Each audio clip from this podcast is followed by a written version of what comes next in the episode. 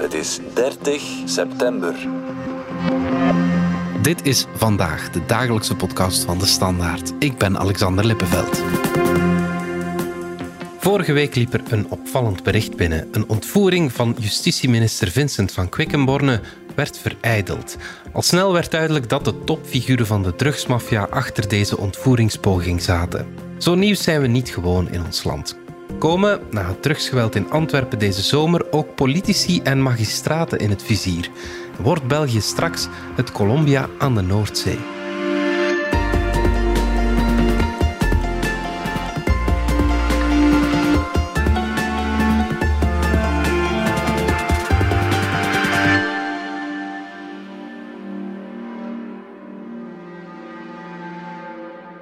Stel het goed, ik stel het goed. Uh, het zal u misschien verbazen, maar we hebben ons eigenlijk nog nooit zo, zo veilig gevoeld. En dat dankzij het heel deskundig professionele werk van, van de politiemensen, de veiligheidsmensen ook. Als minister van Justitie kan je dat ergens wel plaatsen. Ik ben tenslotte al twee jaar bezig met die, met die strijd tegen die drugscriminelen. Maar voor mijn vrouw en mijn kinderen is dat toch wel moeilijker te vatten. Hè. Uh, ze hebben daar niet voor gekozen en dat komt wel serieus binnen bij hen en ook bij mijzelf. Dat was Vincent van Quickenborne in het VRT-journaal deze week vanuit een safehouse waar hij en zijn gezin tot donderdag zaten. Ondertussen zijn ze weer thuis, maar ze blijven onder verhoogde beveiliging staan. Mark Eekhout, jij bent al jaren misdaadjournalist. Hoe kwam het gerecht erachter dat er plannen gesmeed werden om uh, Van Quickenborne te ontvoeren? Hoe dat precies is gegaan, dat weten we niet helemaal zeker. Mhm. Dat is natuurlijk iets wat me niet aan de neus van journalisten gaat hangen. Maar wat we wel zeker weten is dat er uh, in de loop van donderdag, in de late namiddag, een tip is binnengekomen bij het federale parket. Die informatie zei dat er een dreiging was tegenover uh, minister van Justitie van Quickenborne. Mhm. En er was sprake van dat iemand hem zou willen ontvoeren in mhm. een van de volgende dagen. Ja. Toen zijn de diensten natuurlijk meteen in actie geschoten. Het crisiscentrum is bijeengeroepen en daar heeft men meteen beslist om uh, Vincent van Quickenborne onder bescherming te plaatsen. Ja. Er zijn toen ook meteen patrouilles gaan rondrijden in de buurt van waar de minister woonde, in Kortrijk. En ja, de rest is geschiedenis. Hè. Een, van die patrouilles heeft uh, op een bepaald moment een auto gecontroleerd waarin uh, drie Nederlanders zaten. Mhm. Er kwam dan ook nog een vierde Nederlander aangewandeld. Politiemensen hebben die gecontroleerd. Ja. Ze hebben de identiteiten genoteerd van die mensen. Die waren niet in België bekend bij het gerecht, dus die zijn eigenlijk na controle terug mogen wegrijden. Mhm. Maar een dag later heeft een, eh, een, vrouw uit de buurt een auto zien staan die haar oprit blokkeerde. En in de koffer van die wagen heeft de politie een automatisch wapen gevonden. Twee pistolen, blikken met benzine en spanbandjes. Ja. En ja, één en één was al snel twee. De politie had de namen van die Nederlanders die de nacht voordien in de buurt waren geweest. Ze hebben die doorgespeeld aan de Nederlandse collega's. En uh, ja, die mannen zijn eigenlijk in de uren daarna opgepakt. Eerst drie en dan later ook nog een vierde. Er was al redelijk snel duidelijk dat er een link was met de drugswereld. Hè? Ja, volgens uh, onze informatie was het eigenlijk al meteen duidelijk bij het federaal parket, bij de politiediensten, dat de dreiging tegenover de minister uit het drugsmilieu kwam. Oké. Je zei het al, er werden snel enkele verdachten opgepakt. Opmerkelijk, het gaat om Nederlanders. Je zou niet denken dat die naar onze justitieminister gaan kijken. Hè? Ja, misschien lijkt dat op het eerste zicht raar, maar aan de andere kant is het dat eigenlijk helemaal niet. Als we kijken naar wat de voorbije maanden in Antwerpen allemaal gebeurt, de granaataanslagen, de schietpartijen op gevels, waar de drugsmafia mensen mee intimideert. De daders daarvan zijn ook vaak Nederlanders, die daar dan in Nederland gerecruiteerd worden om naar ons land te komen, om die dingen te doen. Meestal zijn dat mensen die ook totaal niet weten wie ze gaan intimideren, bij wie ze een granaat gaan laten ontploffen, op wiens gevel ze gaan schieten.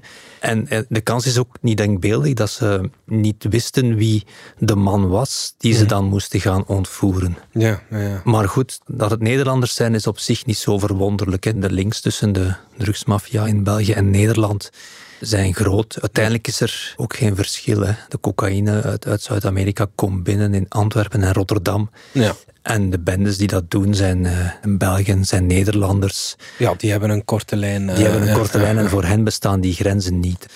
Over het algemeen zijn dat dan ja, gewoon loopjongens uh, die vinden dat ze iets moeten bewijzen tegenover de drugsmafia. Mhm. Vaak zijn dat jongens, deze keer toch ook van Marokkaanse en Antilliaanse afkomst, die uh, gezocht worden in de Nederlandse grootsteden om dan hier dingen te doen. Hè. Mhm. Maar over het algemeen weten ze eigenlijk niet exact wat de bedoeling is. Nu, wat er wel uh, deze keer uitzonderlijk was, bij die drie jonge mensen zat wel een vierde man en die is wel 48 jaar oud. Dus dat is eigenlijk een, ja, toch een oudere figuur. Ja, dat is atypisch. Hè, dat is atypisch en die had of heeft, voor zover wij dat uh, hebben vernomen, toch al wel een serieus uh, strafregister. Ja, oké. Dus het zou best kunnen dat die man meer wist dan de anderen. Maar dat is natuurlijk een hypothese.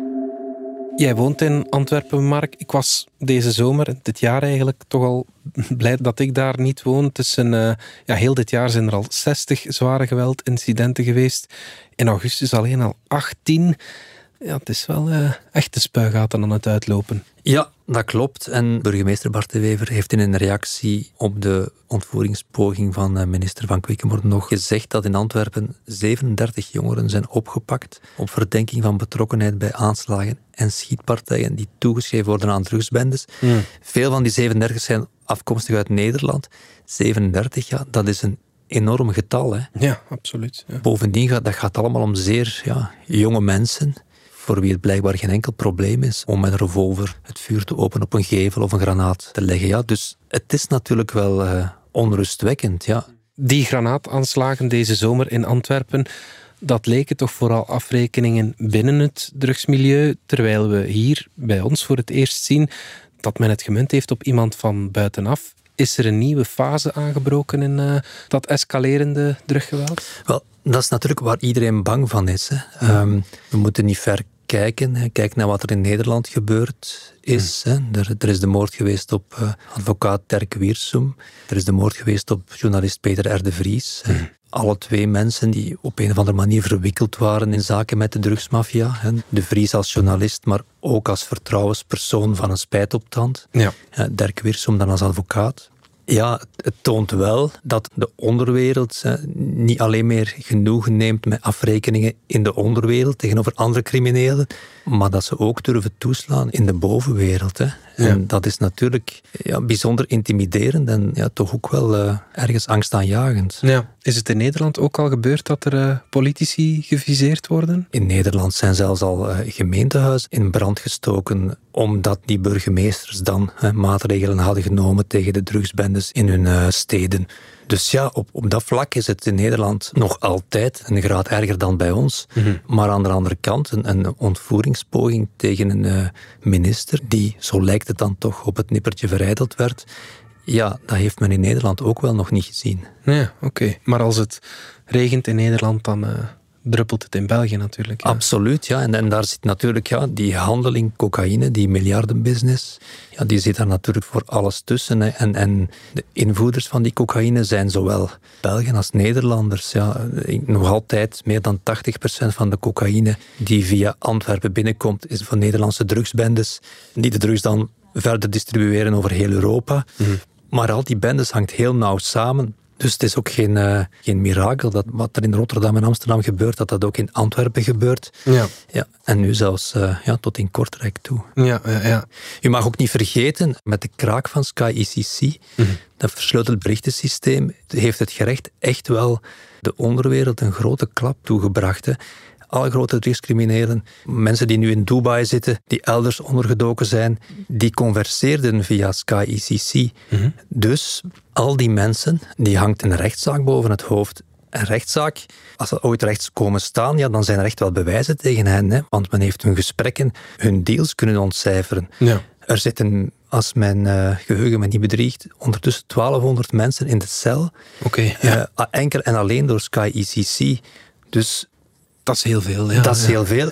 En je kan ook wel zeggen dat de misdaadwereld daardoor helemaal door elkaar is geschud. Ja. Vincent van Quickenborne heeft zich ook een beetje opgeworpen als de man die dat onderzoek echt wel vooruit wil helpen. Hij belooft meer middelen, hij wil meer middelen. Hij probeert de speuters en het gerecht alles te geven wat ze nodig hebben om dat gerechtelijk onderzoek vooruit te helpen. Mhm. Dus ja, op die manier ligt hij ook wel in het vizier van drugsbaronnen. En het gerecht weet ook wie die drugsbaronnen zijn, hè, als ik het goed heb. Wie, die, wie de plak zwaait, zeg maar. In het, maar er zijn er natuurlijk niet zo heel veel. Hè. Mhm. En uh, de voorbije jaren zijn er een heel aantal ja, vanuit Antwerpen vertrokken naar Dubai, mhm. waar ze menen dat ze veilig zitten voor het Belgisch gerecht. Nu, in alle stilte wordt er gewerkt aan uh, uitleveringsverdragen met de Emiraten. Er is er ook één gesloten, dus langzaamaan spant het net zich rond die mannen. En op een dag gaan ze uitgeleverd worden. Ja. En dat zorgt natuurlijk ook voor zenuwachtigheid. Hè. Er zitten ook nog op andere plaatsen uh, Belgische drugsbaronnen in de cel. Uh, die zitten te wachten op uitlevering naar ons land. Hè. In, in Zwitserland bijvoorbeeld zit uh, Flor Bressers in de cel. Ja. ja, dat is niet om het even wie. Die wordt door het gerecht aanzien als een van de, ja, van de grootste drugscriminelen van het land. Hmm. Flor Bressers die heeft uh, ondertussen al via zijn advocaten laten weten dat hij in elk geval niks te maken heeft met de ontvoeringspoging van de minister. Ja, Bresser zegt, ik zit al zeven maanden in de gevangenis, voilà, ik kan er sowieso niks mee te maken hebben. Hmm. We weten natuurlijk niet wie achter de poging tot ontvoering van Van Quickenborne zit, maar het is wel duidelijk dat het uit dat milieu zal moeten komen. We gaan er even uit voor reclame. Ja, zaterdag is er een nieuwe aflevering van onze cultuurpodcast Radar. We gaan het hebben over de vraag hoe het komt dat als je soms nieuwe muziek luistert, dat die niet altijd zo nieuw klinkt. Je zal het wel herkennen dat je je radio aanzet en je hoort een melodie die je eigenlijk nog niet direct kan thuisbrengen, maar je hebt die ooit al eens gehoord. Die zat in een ander nummer. En welk nummer dan? En zijn de goede melodieën dan op misschien? Moeten we ze allemaal in het verleden gaan halen? En dat trucje heeft zelfs een naam en het is interpolatie. Ik weet het, geen sexy naam, maar wel razend interessant. Dus ik zou maar luisteren als ik u was. Zaterdag naar Radar. Radar, radar, radar, radar.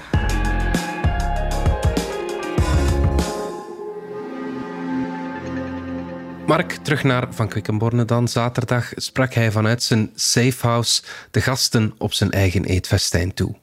Het doet een beetje vreemd aan om jullie van op afstand te moeten toespreken. Het is alsof ik opnieuw in lockdown ben.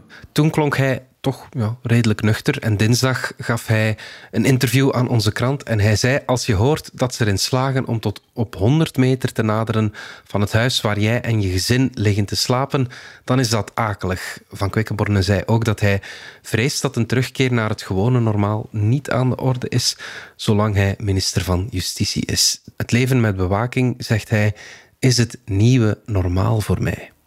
Ja, Mark, dat is stevig het is voor niemand makkelijk om ja, plots zeven dagen op zeven, 24 uur op 24, onder permanente politiebewaking te moeten leven. Mhm. Dat is wat minister Van Quickenborne en zijn gezin nu overkomt. Die worden nu constant vergezeld door politieagenten die hen moeten beschermen. Ze zijn ondergebracht op een geheim adres. Dat is natuurlijk geen pretje. Hè? Mhm. Er zijn al genoeg mensen ook in België die dat voorbije maanden en jaren hebben ondervonden.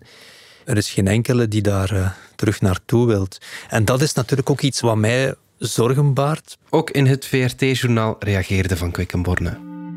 Ik denk dat we wel in een nieuwe fase zijn ingetreden. De fase van narcoterrorisme. De criminele onderwereld die de maatschappij probeert te destabiliseren en in haar grip te krijgen. En ze doen dat ook door mensen van politie en justitie schrik aan te jagen. Net omdat ze voelen dat we achter hen aangaan. Maar wees gerust, deze regering zet alles in de strijd tegen die drugscriminelen. De federale politie wordt versterkt. Ook bij justitie doen we heel veel inspanningen. We hebben belangrijke wetten gestemd net voor de zomer in het parlement om die strijd aan te gaan. Dus we gaan in elk geval niet en nooit opgeven. We gaan die strijd blijven opvoeren. Mark, waarom doet de drugsmafia dat? Een minister proberen uh, ontvoeren? Ja, je hebt mensen natuurlijk die zeggen van ja, een minister ontvoeren, dat is toch ja. van God los. Daar kunnen ze toch niks mee bereiken. Ze gaan het omgekeerde effect bereiken. Ze gaan alle aandacht op hen trekken. Maar je kan het ook anders zien. Hè? Als criminelen al in staat zijn om een minister te ontvoeren, wat doet dat dan met speurders, met magistraten? Ook met journalisten die elke dag schrijven over dat soort uh, drugscriminaliteit. Mhm. Misschien gaan die mensen uh, wel een beetje voorzichtiger worden. Misschien gaan ze een beetje minder gemotiveerd worden. Ja. Misschien gaan ze minder snel hun nek durven uitsteken. En als dat allemaal zo is, en als je dat allemaal bij elkaar optelt, ja, dan heeft de georganiseerde misdaad op die manier misschien toch wel gewonnen. Ook al lijkt hun actie nu eigenlijk ja, compleet absurd en van de pot gerukt en, en Ja, ja. misschien ook weinig direct nut hebbende. Maar gelukkig is de ontvoering verijdeld. Wil dat zeggen dat het gerecht heel alert reageert op alles wat met dat drugsmilieu te maken heeft? Ja. Ik kan alleen maar vaststellen dat het gerecht en, en de politie in deze zaak toch wel zeer alert hebben uh, gereageerd. Hè. Okay, je kan misschien wel zeggen, als er een uh, bedreiging is tegen een vicepremier, dan gaan ze sneller in actie schieten. Mm -hmm. Maar uit de, de, meest recente cijfers van het crisiscentrum blijkt dat er in 2021 in totaal 65 mensen bescherming hebben gekregen. Dus, ja, dat zijn uh, niet alleen ja, vicepremiers natuurlijk. Voilà, in min of meerdere mate vergelijkbaar met de bescherming die de vicepremier nu krijgt. Ja, ja, ja oké. Okay. Dus op zich, veel van die dingen blijven natuurlijk onder de radar. Mm -hmm omdat dat ook gewoon veiliger is, om dat onder de radar te houden. Ja, wat uh, minister van Quickenborne nu is uh, overkomen, ja, dat kon moeilijk onder de radar blijven, want, mm. want ja, gewoon door de functie die hij heeft en uh, wie hij is. Mm -hmm. Wat zegt heel deze zaak over de war on drugs in het algemeen? Dat toont gewoon aan hoe hard dat het op het scherp van de snee wordt uitgevochten. Hè. Soms denk ik dat we niet genoeg beseffen hoeveel geld, hoeveel miljoenen, miljarden zelfs, daarin omgaan. En voor dat soort grote criminelen is dat een kwestie van leven en dood en overleven. Hè. Als ze in Antwerpen granaten gooien tegen concurrentie, ja, dat is dan omdat ze heel veel geld verloren zijn. Of dat ze vermoeden dat ze verklikt zijn. Mm -hmm. Ja, die leven in een soort parallele wereld, in een soort paranoïde wereld ook. Waarom het dan echt men het dan nodig vond om de minister van Justitie uh, aan te pakken, is natuurlijk nog een beetje koffiedik kijken. Maar het toont wel aan dat de drugsmafia er niet voor terugschrikt om ook ja, de hoogste politieke machten aan te pakken. Hè. Dat ze zich machtig genoeg voelen om ook dat te proberen. Ja, en dat is toch wel verontrustend. Hè. In, in mm. Nederland kent men dat al een tijdje, maar bij ons is dat relatief nieuw. Hè. Wij hebben altijd de neiging om te zeggen, ach ja, als het maar onder elkaar blijven uitvechten, who cares? Ja.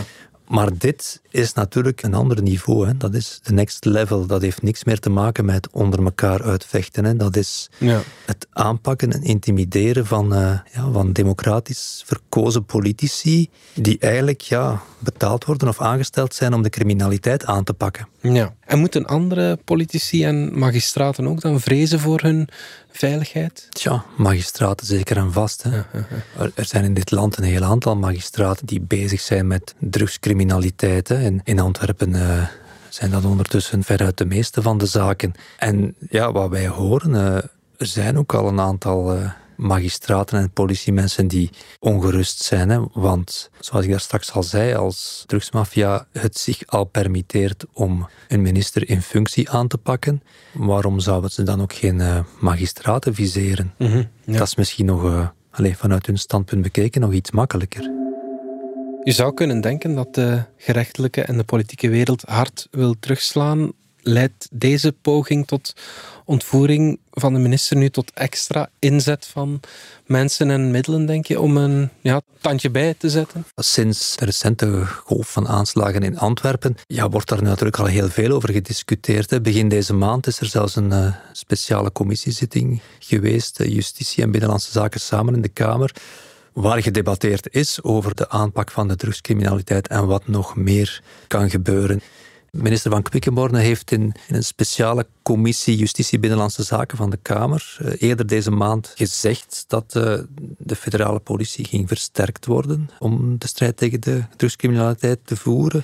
Uh, er was het stroomplan, er komt nu een stroomplan XXL, ja. een, een echt uitgebreid veiligheidsplan voor de havens van Antwerpen en andere havens.